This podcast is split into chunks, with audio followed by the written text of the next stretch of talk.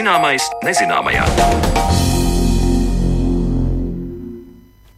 Esiet sveicināti! Šajā laikā, kā ierasts, skan raidījums Zināmais nezināmajā, un turpmāko stundu ar jums kopā Mariona Baltkalne.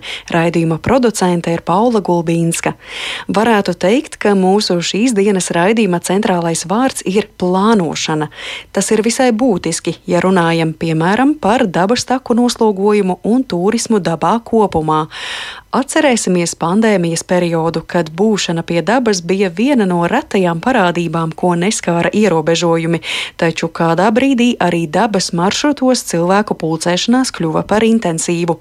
Kā sekot līdzi cilvēku pieplūdumam un citos veidos aicināt atstāt savu atpūtas vietu kārtīgu, par to vairāk raidījuma otrajā daļā.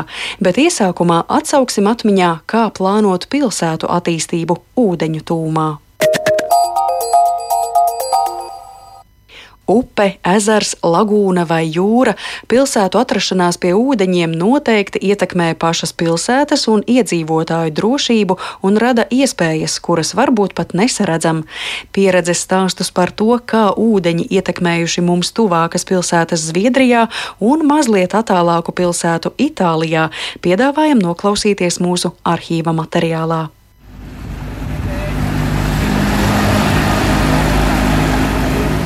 Bieži vien, vērtējot pilsētu plānošanas norises pašu mājās, ir derīgi paraudzīties, kā šajā ziņā klājas citām pilsētām. Tāpēc šoreiz pavērtēsim, kā sokas pilsētām pie dažādiem ūdeņiem, kur ūdens ir gan iespēja, gan izaicinājums. Upes, jūras lagūna, kanāli. No Rīgas aizceļosim tepat netālu līdz Zviedrijai, bet pēc tam pārcelsimies uz slaveno kanālu pilsētu Venēciju, Itālijā. Vispirms attālināti ierakstītā sarunā tiekos ar Kārlu Mosfeldu no Gēteborgas, Zviedrijā. Kārls vada klimata pārejas biroju, lai veicinātu ātrāku pāreju uz klimata neutralitāti. 2021. gada rudenī Kārls piedalījās starptautiskā pilsētu plānošanas pasākumā Rīgā ar nosaukumu Mad City, kur runāja par Rīgas un Gēteborgas līdzībām savā starpā. Tad nu par Rīgu, Gēteborgu un arī Zviedrijas galvaspilsētu Stokholmu turpina Kārls Mosfelds. Strictly speaking, of course, Stockholm is not a river city. It's located where the lake meets the sea. Kopumā ņemot, Stokholma, protams, nav upju pilsēta. Tā atrodas vietā, kur ezers sastopas ar jūru. Upju pilsētas mēdz būt iegrans. Stokholmai vairāk vērojama apaļveida struktūra. Tā ir viena atšķirība. Vēl viena atšķirība ir tā, ka Gēteborgu tieši tāpat kā Rīgu spēcīgi ietekmējuši industriālā attīstība 19. gadsimta beigās, un tās pilsētas struktūrā atstājis būtisku industriālo nospiedumu, varētu pat teikt, industriālās rētas. Stokholma ir atšķirīga. Tā vēsturiski daudz vairāk ir bijusi Zviedrijas administratīvais centrs, un industriālā attīstība Stokholmas sirdī tik ļoti nav izpaudusies. Gēteborga ir bijusi vieta, kur tiek izkrauts un iekrauts preces vai kur tiek būvēti kuģi. Tā tas ir bijis arī Rīgā. Tas nozīmē, ka beigās mums no šīs infrastruktūras saglabājas ostas, ceļi, dzelzceļa savienojumi, un bieži vien šāda vide nav ļoti pievilcīga pastaigām cilvēkiem. And also, we often pass uh, stuck in certain old ways of, of engaging with it. When I look at Gothenburg, Bieži vien mēs arī esam iestrēguši pagātnē attiecībā uz to, kā veidojam saikni ar ūdeni.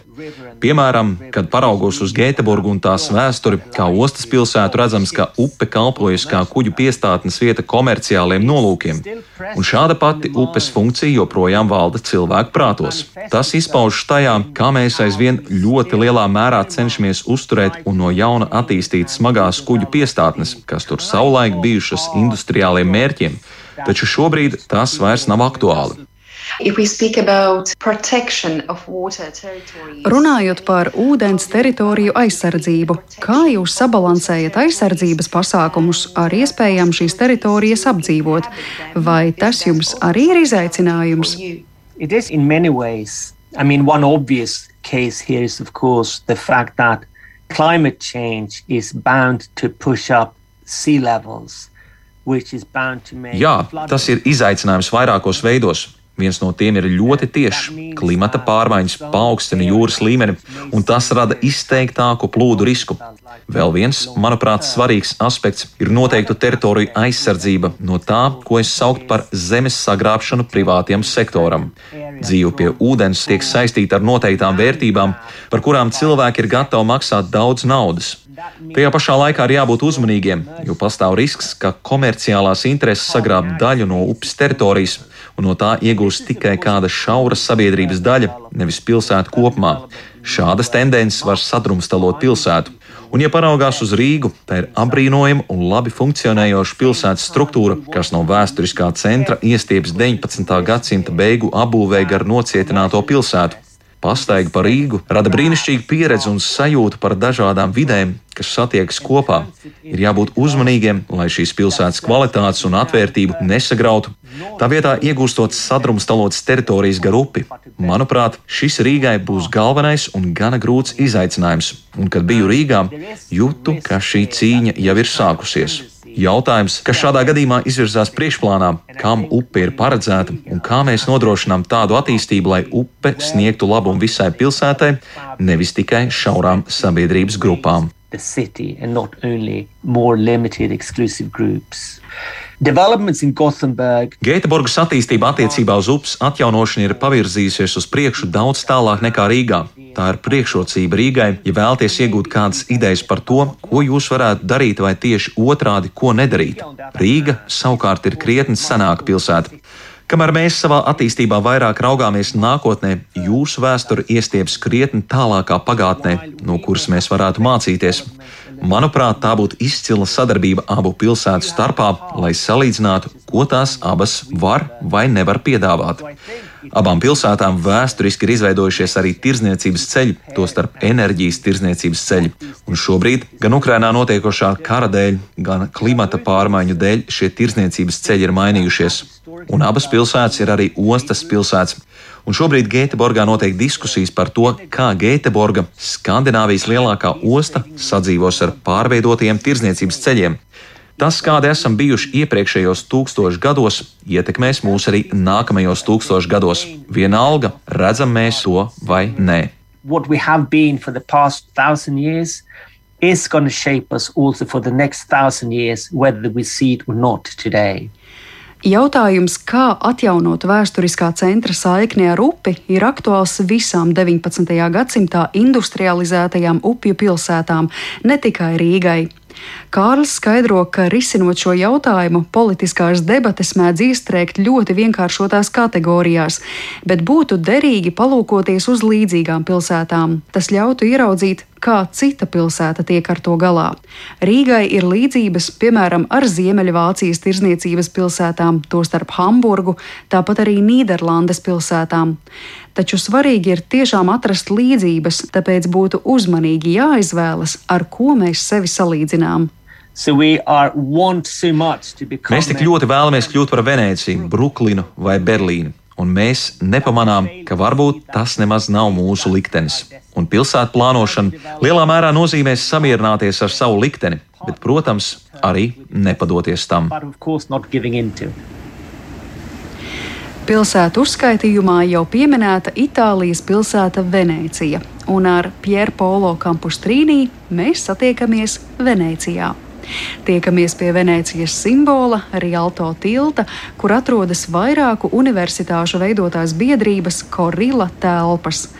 Pierre Paolo ir Korila izpildirektors, un biedrības būtiskākais uzdevums ir veikt pētniecību par Venecijas lagūnu, lai palīdzētu lēmumu pieņēmējiem izdarīt zināšanās balstītas izvēles un tādējādi nodrošinātu Venecijas aizsardzību. Tāpēc mans pirmais jautājums Pierre Paolo - vai Venecijai ūdens rada draudus? I would say that Venice uh, was born in the water of the lagoon, actually not in the water, but on the salt marshes. Var teikt, ka Venecija ir dzimusi lagūnas ūdenī. Ne tieši ūdenī, bet uz purviem un mazām salām, kas kopā veido Venecijas lagūnas arhipelāgu. Tāpēc ūdens elementu nav iespējams atdalīt no Venecijas. Pretējā gadījumā tā vairs nebūtu Venecija, un pilsēta ir pastāvīgās attiecībās ar šo lagūnu. Venecija atrodas lagūnas centrā, un šī 600 km2 lielā lagūna ir lielākā visā vidusjūrā. The water is not an enemy of Venice. Ūdens nav Venecijas ienaidnieks. Protams, jūras līmenis ceļas, radot izaicinājumus pilsētai. Tas lielākoties notiek ziemā. Jūras līmenis ir augstāks, attiecīgi jūras ūdens ieplūst lagūnā, un tādējādi arī lagūnas līmenis paceļas, izraisot plūdus. Šādā gadījumā ūdens var radīt bojājumus ēkām, ķieģeļiem un arī pieminekļiem. Ķieģeļi samirkst sāļajā ūdenī, un, kad ūdens iztvaiko, sāls paliek ķieģeļos. Sāls kristāli sabojā ķieģeļus neatgriezeniskā veidā, jo ķieģeļi ir kā sūkļi, kas uzsūc sevī sāli. Tas pats var notikt ar marmoru. No flood, Vai jums ir kāds mehānisms Venecijā, lai stiprinātu ēkas, ēku apakšējos stāvus brīžos, kad plūdu nav, jo visapkārt ir kanāli? Kad es raugos uz šīm ēkām, parasti pirmā doma, kas man nāk prātā, ak, vai varbūt kādu dienu šīs ēkas sabruks. The buildings that you see in Venice are stable by definition because they've been built many centuries ago, most of them. Ēkas, ko jūs redzat Venecijā, ir stabilas pēc definīcijas, jo lielākā daļa no tām celtas pirms vairākiem gadsimtiem. Jau senatnē venecieši apzinājās mīkstas augsnes risku. Sistēma, kas gadsimtu garumā piekopta, paredz to, ka augsnē tiek ievietoti koka mieti, lai šo augsni nostiprinātu. Vairums ēku Venecijā ir būvēts saskaņā ar šādu sistēmu. Līdz ar to ūdenī ir simtiem, tūkstošiem, pat miljoniem mietu, kas pa upēm atvesti no Alpu kalnu mežiem uz Veneciju un iestādīti augsnē. Kāds pat teicis, ka mums ir otrādi apgriezts mežs, kad koki aug uz leju augsnē. Daži koki augsnē pavadījuši vairākus gadsimtus, jo smiltīs un dubļos ir ļoti mazs skābekļa daudzums, tāpēc nepastāv koku bioloģiska nolietošanās. Ja mums jābūvē ēkas, tad tehnika ir ļoti līdzīga senatnē izmantotajai. Varbūt koka mietu vietā mēs stādām cementa mietus, bet princips ir tas pats. Tātad, lai nostiprinātu mīkstu augsni, mieti jāliek cits citam cieši blakus. Tas izgrūž ārā no augsnes mālu un dubļus. Un tad vēl ir cita veida ēku konstrukcija, ko saprata jau senie veneciešu arhitekti. Jūs šeit neredzēsiet neko, kas būtu pilnībā taisns, ja mēs runājam par ēku ārējām sienām. Tās ir ieslības attiecībā pret ēkas centru, jo gadījumā, ja ēka brūk vienā pusē, otra puse netiek parauta līdzi. On the other side of the floor does not extract. Ja mēs runājam par plūdiem, tad jūs jau pieminējāt, ko plūdi spēja nodarīt pilsētai. Jautājums, vai plūdi ir liela problēma pašlaik? 19 was the worst year since many decades. Pēdējās desmitgadēs 2019. gads ir bijis vissliktākais, kad ūdens līmenis lagūnā sasniedza divus metrus. Tātad par vienu metru vairāk nekā parasti. Un gandrīz visa pilsēta bija apludināta. Bet 2020. Eh, gada 3. oktobris bija pirmā diena, kad sāka darboties MOSE sistēma, pasargājot pilsētu. MOSE sistēmu veido barjeras pie trim lagūnas ieplūdes vietām jūrā. Barjeras vispirms tiek novietotas jūras dibenā. Normālos apstākļos tās ir atvērtā stāvoklī, un ūdens var brīvi pārvietoties. Bet, kad nepieciešams, tad 20 metrus lielie barjeru dzelzs vairogi spēja pacelties stāvus, atdalot lagūnu no jūras. Kopumā ir 76 šādi vairogi. Es gribētu arī minēt, ka šis risinājums tika panākts pēc 50 gadu ilgām diskusijām, un tas viss sākās vēl pēc lielākiem plūdiem nekā 2019. gadā. Proti, mēs runājam par plūdiem 1968. gadā, kad pilsēta tam nebija sagatavojusies kā mūsdienās, un visi pakalpojumi, komunikācijas, siltumapgāde, enerģija bija traucēti vairāk nekā nedēļu. Tajā brīdī pasaule sajūta risku fiziski pazaudēt Venēciju. 1973. gadā Itālijā tika izdots likums izvirzot Venēciju un Lagūnu par nacionāla mēroga prioritāti. Tāpēc Itālijas nodokļu maksātāji ieguldījuši daudz finanšu, lai atrastu risinājumu, un pateicoties Mose, turpmākajos gados Venecija vairs nepieredzēs tāda mēroga plūdus. Kind of Mūse tas nozīmē eksperimentālais elektromehāniskais modulis. Šis vārds attiecināms arī uz pravieti mūzu Bībeles vecajā derībā. Jāņem vērā, ka mūza sistēma sargā Venēciju no dramatiskas aplūšanas.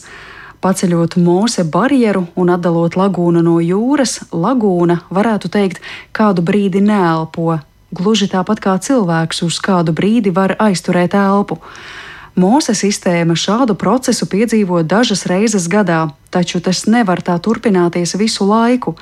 Tāpēc līdztekus šai sistēmai ir nepieciešami arī citi aizsarga mehānismi mazāka mēroga plūdiem, kas tāpat var notikt visai bieži. Pilsētas ielās redzamas īpašas sastatnes, pa kurām cilvēki plūdu gadījumā var pārvietoties, Tāpat arī ēku durvis ir aprīkotas ar metāla barjerām, lai ūdens nenonāktu tālāk telpās. Un šis viss izskaidro to, kāpēc šobrīd būvēt pilsētu tādā vietā, kādā atrodas Venecija, nebūtu loģiski. Esam aplūkojuši ūdens plūdus Venecijā, taču nevar nepieminēt vēl kādus citus plūdus, turistu plūdi, kas nes līdzi piesārņojumu un atkritumus. Covid-19 pandēmijas sākumā bija lasāms, ka samazinātās cilvēku plūsmas dēļ Venecijas kanālos atkal manāmas zivis. Pierre Paulo jautāju, vai tā patiešām noticis. Yes, but the fishing channel there are also today Jā, bet zivis kanālos ir arī pašlaik. Lieta tāda, ka ūdens vienkārši ir duļķaināks, un jūs neredzat zivis laivu satiksmes dēļ. Lagūnā parādījās arī delfīni, bet tiem ir bīstami tur nonākt, jo no sekliem ūdeņiem tie nevar nokļūt atpakaļ dziļākos. Izmantojot akustiskos instrumentus, mēs panācām, ka delfīni atgriežas savā dabiskajā dzīves vidē jūrā. Tā var teikt, jā, mēs piedzīvojām dažas atšķirības, jo bija mazāks piesārņojums, gluži tāpat kā citās pilsētās. Manuprāt, mūsdienās lielākais izaicinājums ir nodrošināt Venecijā kvalificētas darba vietas, lai uzturētu Veneciju kā pilsētu. Ja mums ir tikai turisms un kultūra, tad mēs ļaujam Venecijā dzīvot tikai tiem, kuri pelna ar turismu, un tā būtu kļūda. Venecijai vajadzētu būt vietai, kur ierastos zinātnieki ar idejām un kuri no jauna apdzīvotu pilsētu. Kā vēsta teiciens, Venecijai vajadzētu būt vecākajai nākotnes pilsētai. Venice should be the oldest city of the future.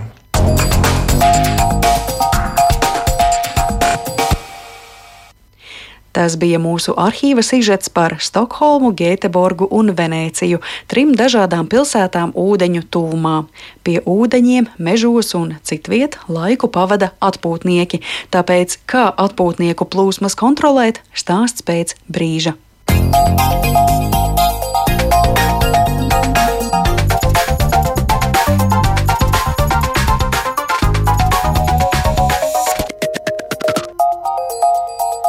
Zināmais nezināmajā.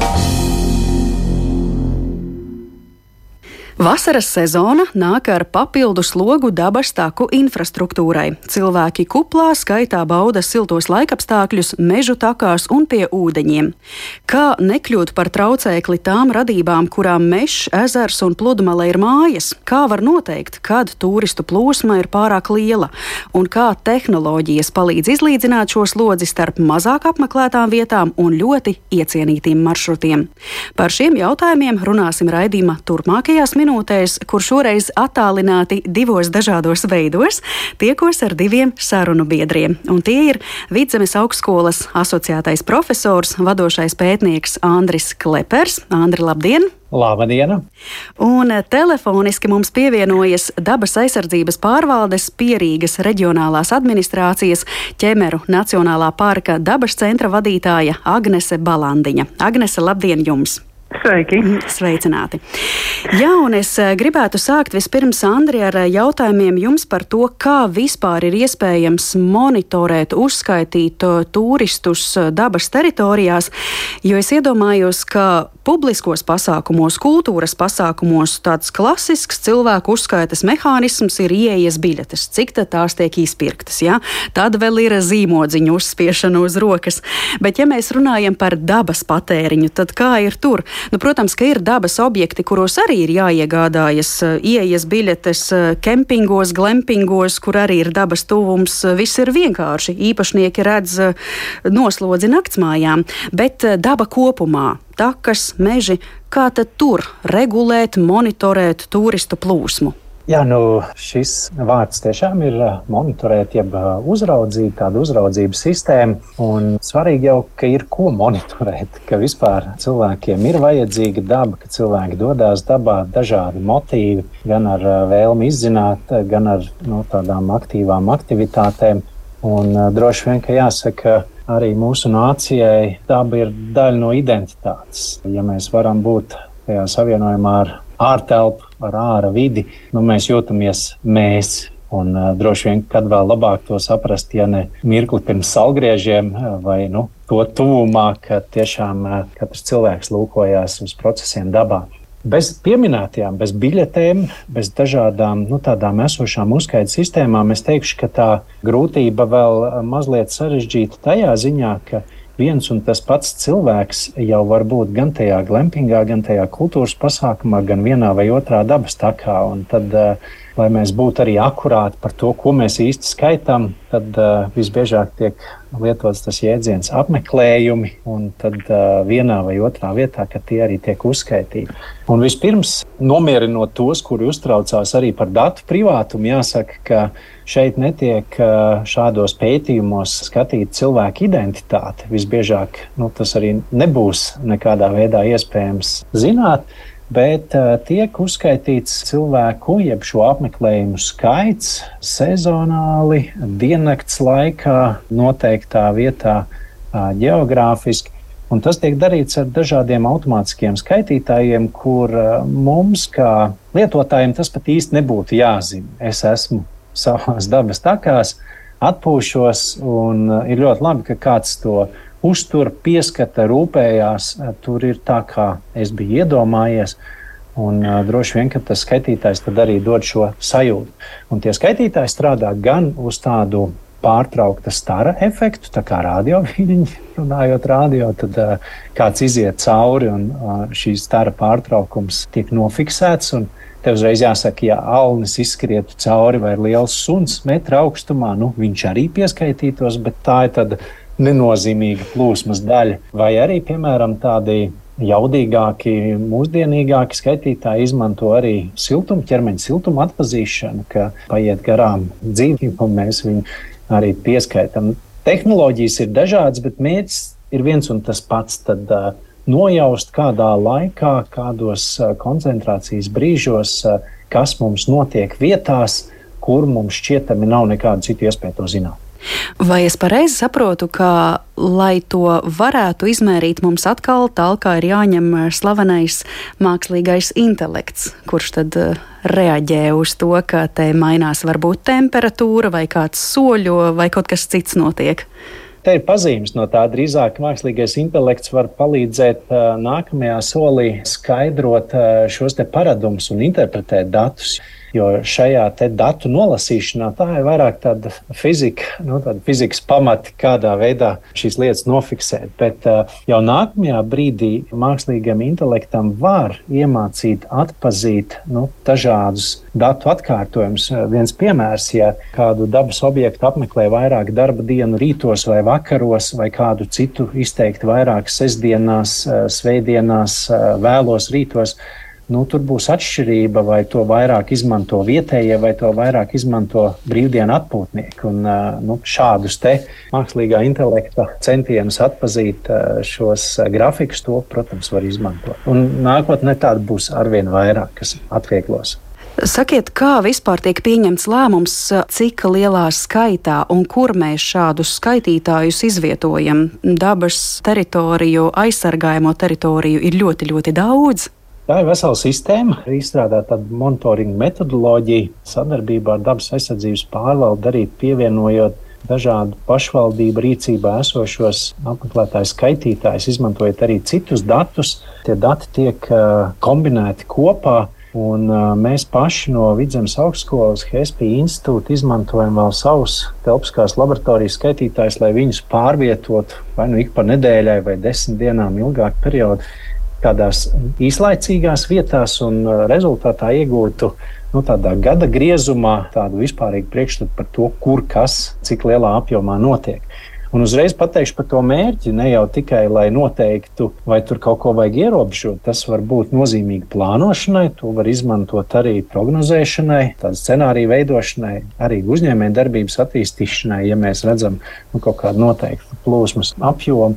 Tie var būt operatīvi lēmumi, ka ir ilgstošas lietas, un tagad ir pat daudz, kaut kur kaut kas ir jāstopē. Un, nu, mēs atceramies neseno Covid situāciju.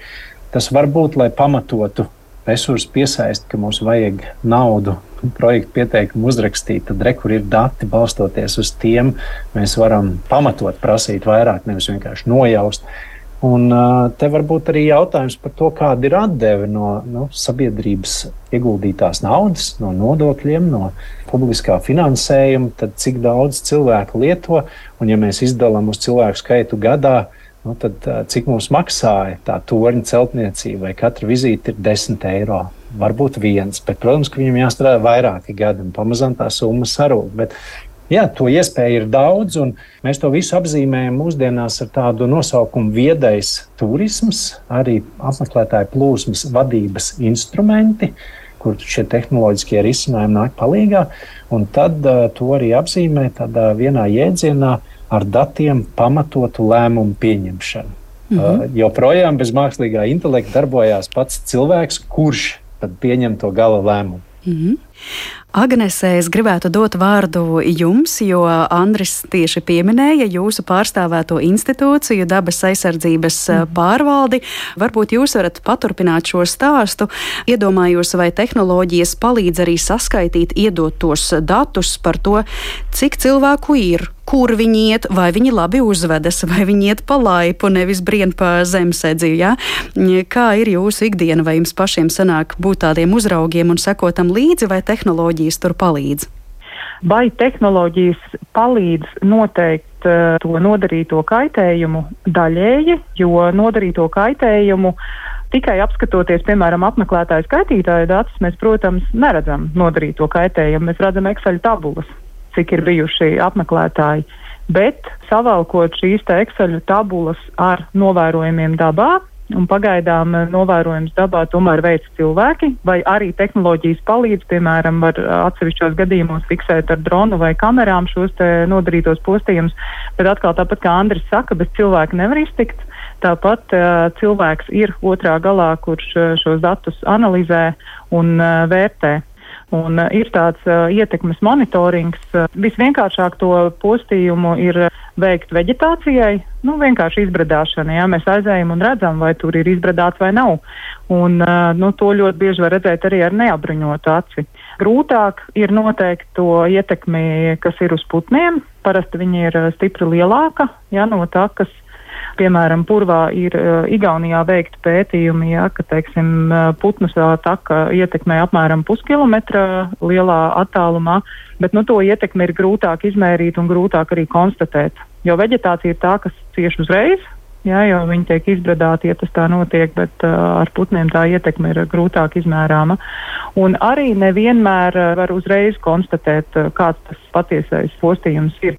Bet te es gribētu uzsvērt, ka ne tikai apmeklētāju skaitītājiem ir uh, nozīme, teiksim, jā, lai mēs konstatētu jau sekas, bet tieši tādēļ jau tiek veikts virkne preventīvas darbības un ir izstrādāti arī noteikumi teritorijām, jo šie apmeklēšanas noteikumi jau nav pagrābti no zila gaisa. Un uh, bieži vien ir cilvēki, nu, neizprot, kāpēc kaut kur nedrīkst iet, kāpēc mēs nevaram vienmēr iet tur, kur mums gribās, kāpēc ir sezonas liegumi. Bet uh, tieši tādēļ arī viņi ir noteikti, lai pasargātu šīs te jau apzināti jutīgākās vietas, lai nemaz nepieļautu šādu postījumu rašanos, ja, ka mēs jau mhm. preventīvi jau veicam tos pasākumus, un arī laipas parasti tiek plānotas vietās, kur to drīkst darīt, ja, kur tā ietekme ir paredzama. Un, ja cilvēki pieturās pie laipām, mūsu vērojumi ķemeros liecina, ka pārsvarā, ja ir labi iekārtota infrastruktūra, cilvēki labprātāk pārvietojas pa to, kas ir eh, priecējoši. Bet, nu, protams, ir arī cilvēki, kas grib doties arī piedzīvojumos, un tos atkal savukārt izmērīt ir grūtāk. Mm -hmm. Kādi ir vispār jūsu novērojumi, kāda ir tā būtiskākā antropogēnā slodze videi? Jūs minējāt, ka izmīdītu veģetāciju, tur, kur tai nevajadzētu būt izmīdītai, ir vieglāk novērot, bet, teiksim, atkritumi, traucējumi sugu mājvietām, alās, piemēram, vai arī tas ir konstatēts, varbūt vēl kādi citi traucējumi? Par atkritumiem runājot, šobrīd visās aizsargājumās teritorijās mēs īstenojam principu, ko atnes to aiznes. Nu, droši vien, ka liela daļa tie, kas dabā dodas, ir pamanījuši šo skaisto zaļo zīmīti ar āpsi. Āpsis kā simbols nav izvēlēts nejauši, tādēļ, ka āpsis ir Latvijas dabā tīrīgākais dzīvnieks. Tieši tāpēc eh, tas āpsis ir šīs kampaņas simbols. Un ko tas nozīmē? Mēs aicinām cilvēkus pierast pie domas, ka taku garumā, dziļi mežos un dabas taku maršrutos mazās miskastes, jeb atkritumu urnas vispār netiek izvietotas. Un tas nekādā gadījumā nenozīmē, ka vieta netiek apsaimniekota un ka tāpēc drīkst atkritumus mest zemē. Jo tas, ko mēs cenšamies pateikt, ir, ka miskastes dabā viņas rada atkritumus dabā, jebkurā gadījumā. Un uh, miskaste dabā nozīmē to, ka šīm miskastēm bieži vien klāt tiek savvaļas dzīvnieki. Jā, viņi var šos atkritumus izvazāt vēl lielākā rādījusā, var paši sev savainot. Un uh, līdz ar to mēs radinām cilvēkus pie domas, ka savi atkritumi ir jāiznes laukā. -hmm. vismaz līdz atkritumu urnām, kas ir stāvlaukumos parasti joprojām pieejams, vai arī ideālā variantā aizvest uz mājām. Mūsu pieredze ķemeru Nacionālajā parkā liecina, ka šis princips strādā, respektīvi novācot atkritumu urnas un izvietojot to vietā āpšu zīmes, cilvēki kļūst apzinīgāki un viņiem tas neliekas nekas ārkārtējs. Novācam miskasti un pazūd arī atkritumi. Tāds ir mūsu vērojums ķemeru Nacionālajā parkā. Bet te gan ir jāuzsver, ka šī āpša kampaņa, ja, ko atnes to aiznes, viņi neatrisina citu problēmu, ar kuru mēs saskaramies. Kas ir tie atkritumu kalni mežos, celiņu galos, kur var iebraukt ar automašīnu. Bet tie ir sadzīves atkritumi, un tie nav apmeklētāju atstātie atkritumi. Tā jau ir cita problēma pavisam, un diemžēl tā joprojām pastāv. Vai jūsu praksē, balstoties datos, protams, un arī iesaistot uh, cilvēka analītisko prātu, vai ir bijis tāds brīdis, kad mēs varam teikt, ka jā, lūk, šajā vai citā dabas teritorijā cilvēks ir kļuvis pārāk liels traucējums, un mums eh, plūsmu ir jāsāk ierobežot ar kādiem mehānismiem. Es varbūt pateikšu tā kopumā, un tad Agnēs vēl mazliet paturpinās. Nu, vispirms jau jāsaka, tie konteksti arī ļoti atšķirīgi. Nu, mēs nedzīvojam Holandē vai mēs neesam Berlīnas centrā, kur uh, būtu pilnīgi cita antropogēnā slodze uz jebkuru dabas vietu. Uh, Nu, Latvijai tādā ziņā mums daba joprojām ir pietiekami pieejama. Bet te ir jautājums vienmēr par to, ka mēs jau izvēlamies to labāko. Un pat ja mēs teiktu, ka no kultūras mantojuma vietām tādas visplašāk apmeklētās, ko mēs labi zinām, Rundāls pilsēta vai Turais muzeja rezervāts, ar visiem asfaltētiem celiņiem un ar visu to, kā tur ir bruģēts un smuki sataisīts, nu, tur to cilvēku ir starp 200 tūkstošiem un 300 tūkstošiem. Tādā gūtmaņa alā bija uzstādīts skaitītājs, tie aprēķina, ka tur ir vairāk par 300 tūkstošiem apmeklējumu gadā. Un, protams, ka tā ir ala ar tiem mazajiem celiņiem. Protams, līdz viņai arī ir kārtīgs asfaltēts ceļš. Bet, uh, lai teiksim, uh, sasniegtu to brīdi, ka kaut kur tas līdzsvars mainās, ir vēl viens cits rādītājs, ne jau tikai dabas vietas un šī vegetācija vai putnu traucējumi ir arī šie vietējie iedzīvotāji, vietējās kopienas, kur arī daļa jau sāk kļūt nemierīgi, ka tas apmeklētāju skaits jau traucē viņu dzīves kvalitāti, kur viņi ir izvēlējušies to klusumu, mieru un to viensētu vai to mazo ciemu. Un, un parasti ir vairāk tādi instrumenti, ko darīt tajās vietās, kur kaut kāds limits jau ir sasniegts. Drīzāk mēs runājam nevis par tādu fizisko kapacitāti, ka vairāk nevar sajiet. Nu, ir rēķināts, ka piemēram jūras piekrastē ir 8,5 miljoni apmeklējumu gadā. Un tad viena no visblīvāk aizņemtajām pludmalēm ir eh, vecāķa pludmale, kur uz vienu un to pašu smilšu kvadrātmetru tie cilvēki karstajās vasaras dienās novainās vairāk kārt. Respektīvi, vienam cilvēkam ir aptuveni 6 kvadrātmetri smilšu tajā intensīvi aizņemtajā posmā.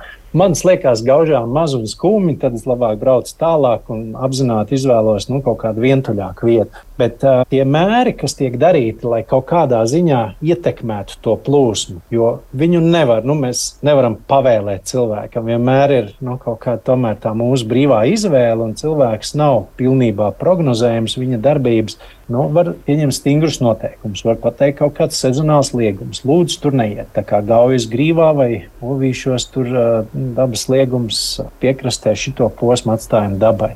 Var uh, tiešām fiziski aiztaisīt ciet kaut kādus atsevišķus mazus meža ceļus ar barjerām, nu, ka tur mašīnas nebrauc. Var mēģināt ar ētikas noteikumiem, lai cilvēki tur nedodas vairāk skaidrot. Tas ir garāks ceļš, prasa audzināšanu, ne visiem uzreiz izdodas. Var vilināt ar infrastruktūru, ar pakalpojumiem. Šis ļoti labi strādā. Tur, kur ir laba taka, tad tur viņi arī nu, darbosies. Un tas arī zināmā mērā atslogo kaut kādas citas vietas, ja līdzās blakus netālu.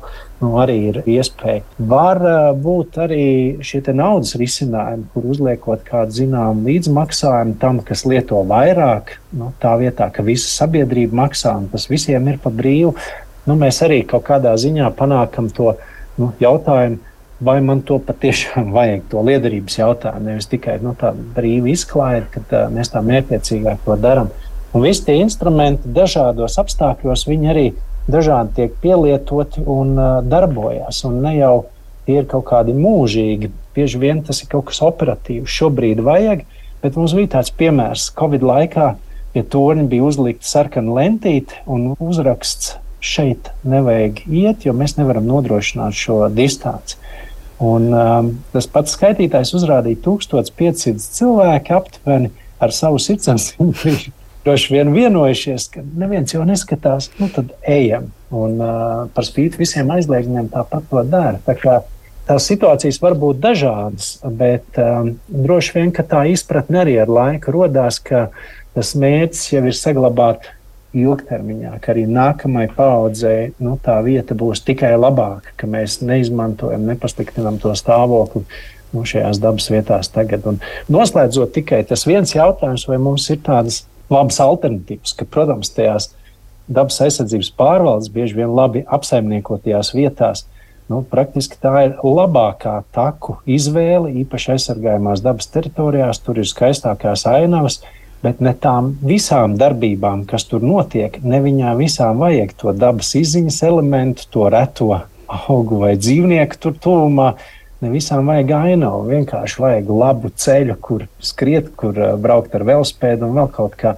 Un, uh, es uzreiz teikšu, ka arī ar telpisko datu analīzi Latvijā šo alternatīvu ārpus īpaši aizsargājumam un dabas teritorijām ir par maz. Nu, te varētu tiešām stiprināt Latvijas valsts mežu uh, kompetenci un tādu strateģisku skatījumu par viņu lomu sabiedrības rekreācijas nodrošināšanai, tur noteikti var darīt daudz vairāk. Mm.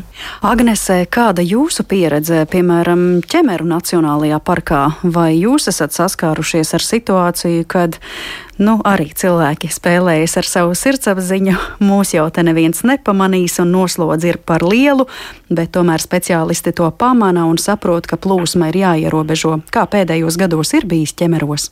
Nav jau nekāds pārsteigums, jā, ka pandēmijas laikā cilvēku Latvijas dabā bija stipri vairāk Nu, mēs tad redzējām, kas notiek tad, kad visi cilvēki paliek Latvijā, ceļošanas iespēju ārpus Latvijas nav.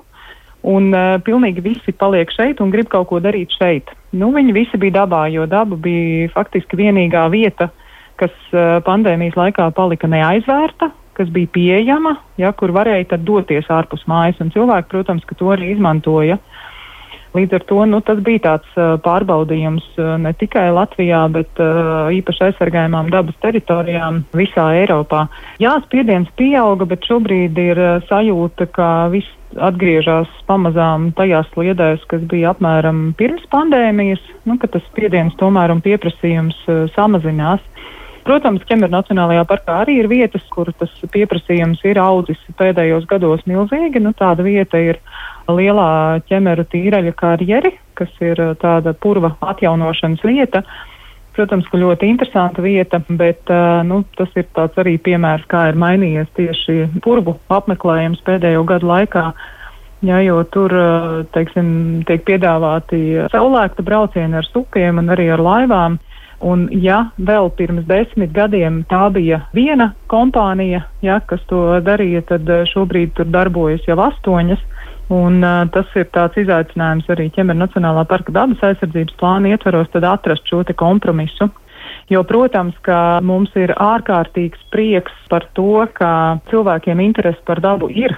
Un uh, dabu nevar ne izprast, ne iemīlēt dabā neejot. Tas ir pilnīgi skaidrs.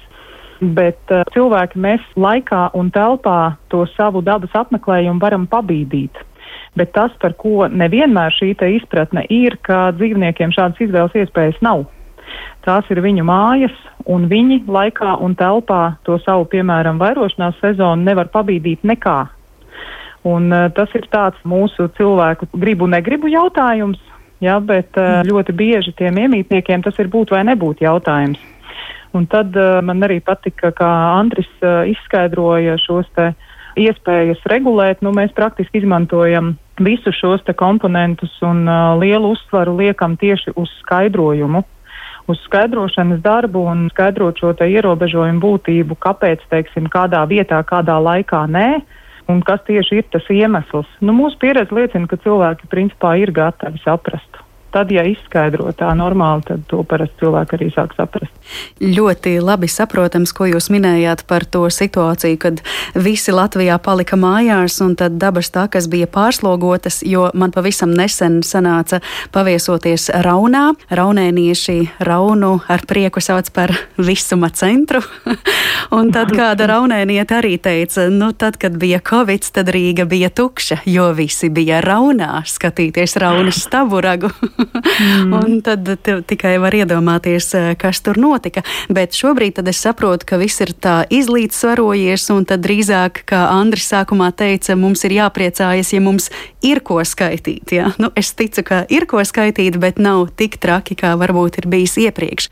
Bet eh, vēl par šīm tehnoloģijām eh, runājot, vai izmantojot tās, ir iespējams arī prognozēt, ka kaut kad tulīt, tulīt nebūs labi varam izdarīt prognozes, un viņas uh, arī var attiecināt uz kādu laiku mēs runājam. Ja pieminēja Raunu tikko, tad uh, Raunas taburagam arī bija skaitītājs uzlikts tieši ziemas laikā, un tas bija pilnīgs pārsteigums.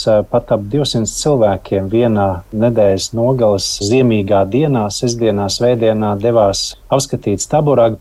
Un tur tā situācija bija tieši tāda, ka tās kāpnes bija piesnigušas, viņas bija noledojušas, Un, uh, to varēja ļoti labi prognozēt, ka kaut kādā brīdī kāds neapmierinātais apmeklētājs teiks, ka lūdzu nāciet un notīriet kāpnes. Un, faktiski, ja mums tās plūsmas liecina, ka tur regulāri ir cilvēki, mums saimnieciskā jomā ir jārēģē, jo mēs nevaram izlikties, ka ir ziema un jāpieņem, ka kaut kas var būt ciet vai nenotiek. Nu, tad vienkārši tiek uh, izmantot šīs vietas.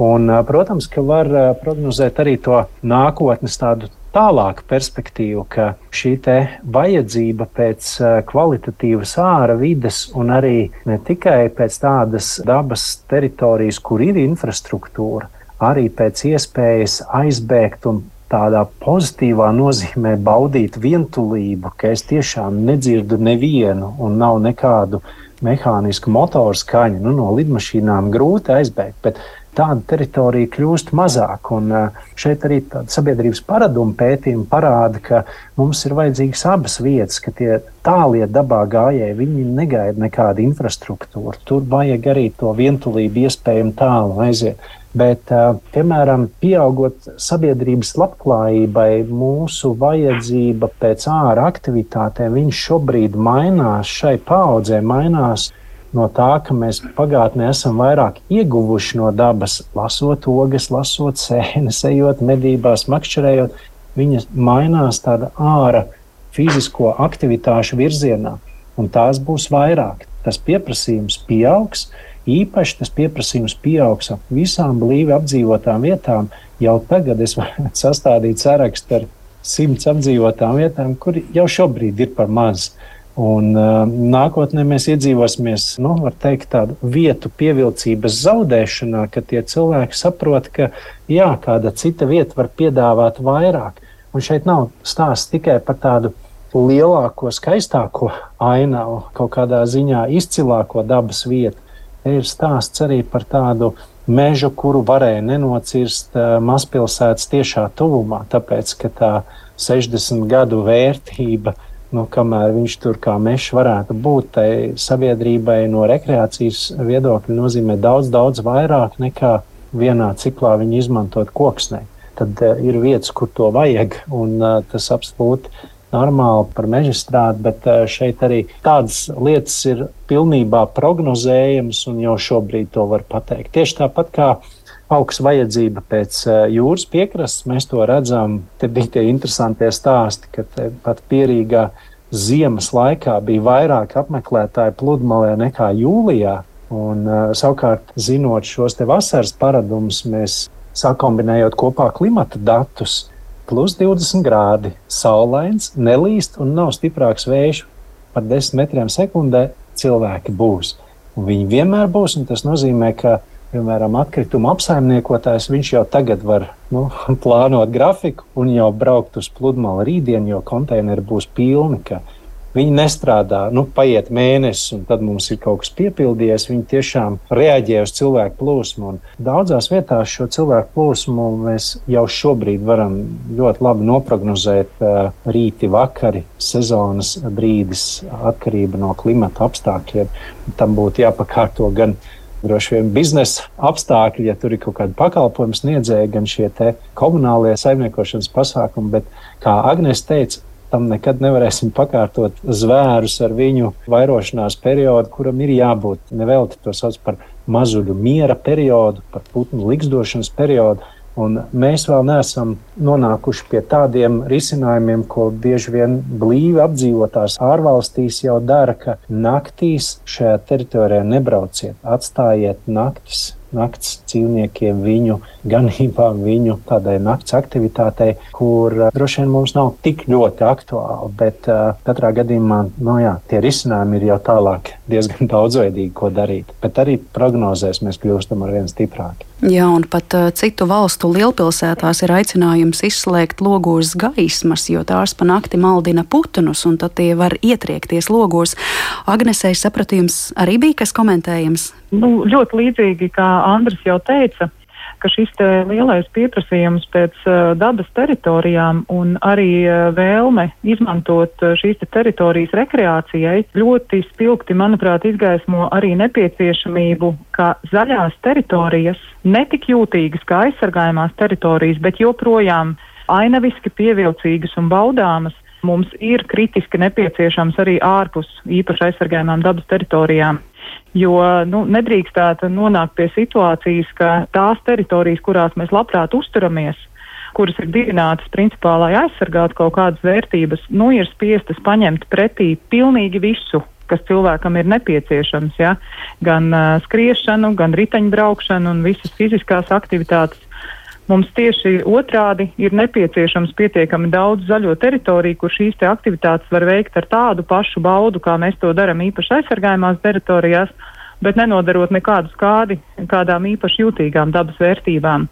Un tad, teiksim, tās aizsargājumās dabas teritorijas paliek pārsvarā tieši mūsu garīgā līdzsvara saglabāšanai, kur tiešām ir nepieciešams šis miers un klusums un putnu dziesmas, ja, bet uh, fiziskās veselības uzturēšanai mēs izmantojam teritorijas, kas ir tieši tikpat skaistas, bet nav tik jūtīgas.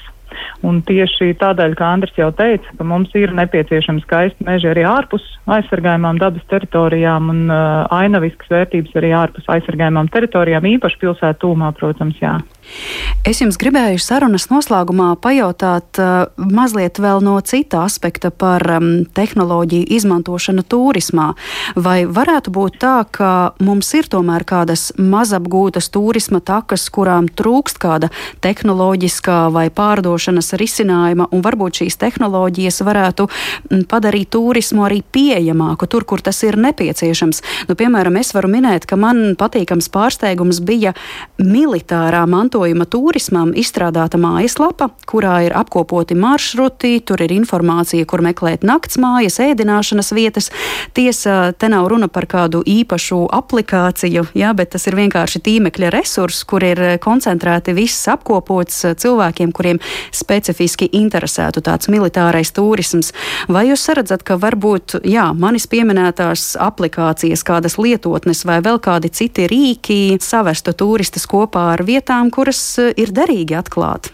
Es uzreiz teikšu, ka noteikti jā, šie visi ir tādi līdzekļi, kas darbojās kopā ar mūsu motivāciju. Un, eh, vai nu mēs to izvēlamies, vai mēs to neizvēlamies. Un viens ļoti praktisks piemērs, kas arī bija tāds pandēmijas risinājums, bet viņam uzreiz radās arī alternatīvi pielietojumi. Nu, cilvēku mobīlie tālruņi, vietālruņi ar viņu Wi-Fi signālu. Google eksperimentēja Google Maps, rādot cilvēku blīvi piepildītos laukumus pilsētā. Ko varēja saprast, tur neiet, nu, piemēram, vecgada vakars, tur neiet, jo tur jau ir daudz, un pandēmijas apstākļos labāk izvairīties no blīvi apmeklētām vietām.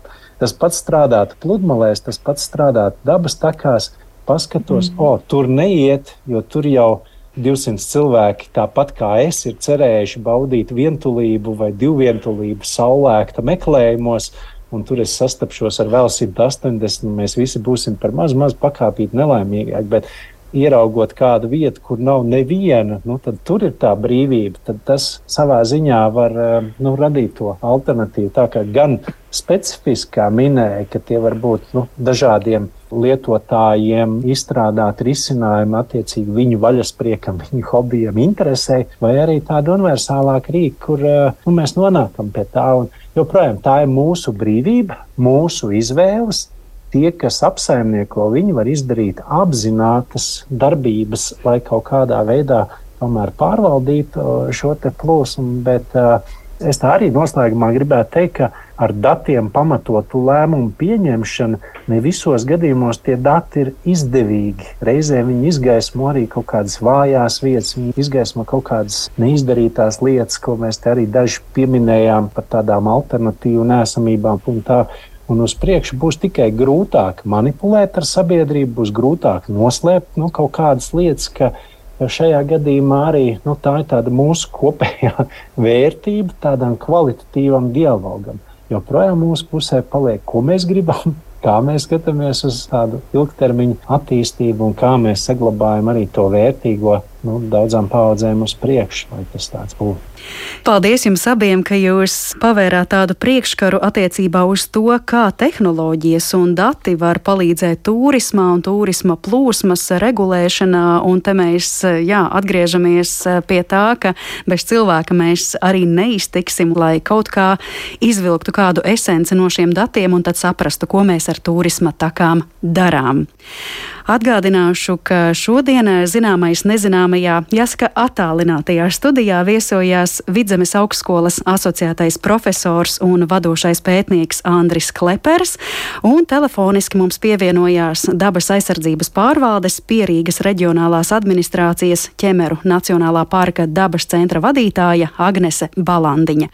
Ar to arī mūsu šīs dienas raidījums izskan, par to parūpējās producente Paula Gulbīnska, par mūziku gādāja Girds Mārtiņš Bišs, skaņu režijā bija Nora Mitspapa un Mariona Baltkalne pie mikrofona.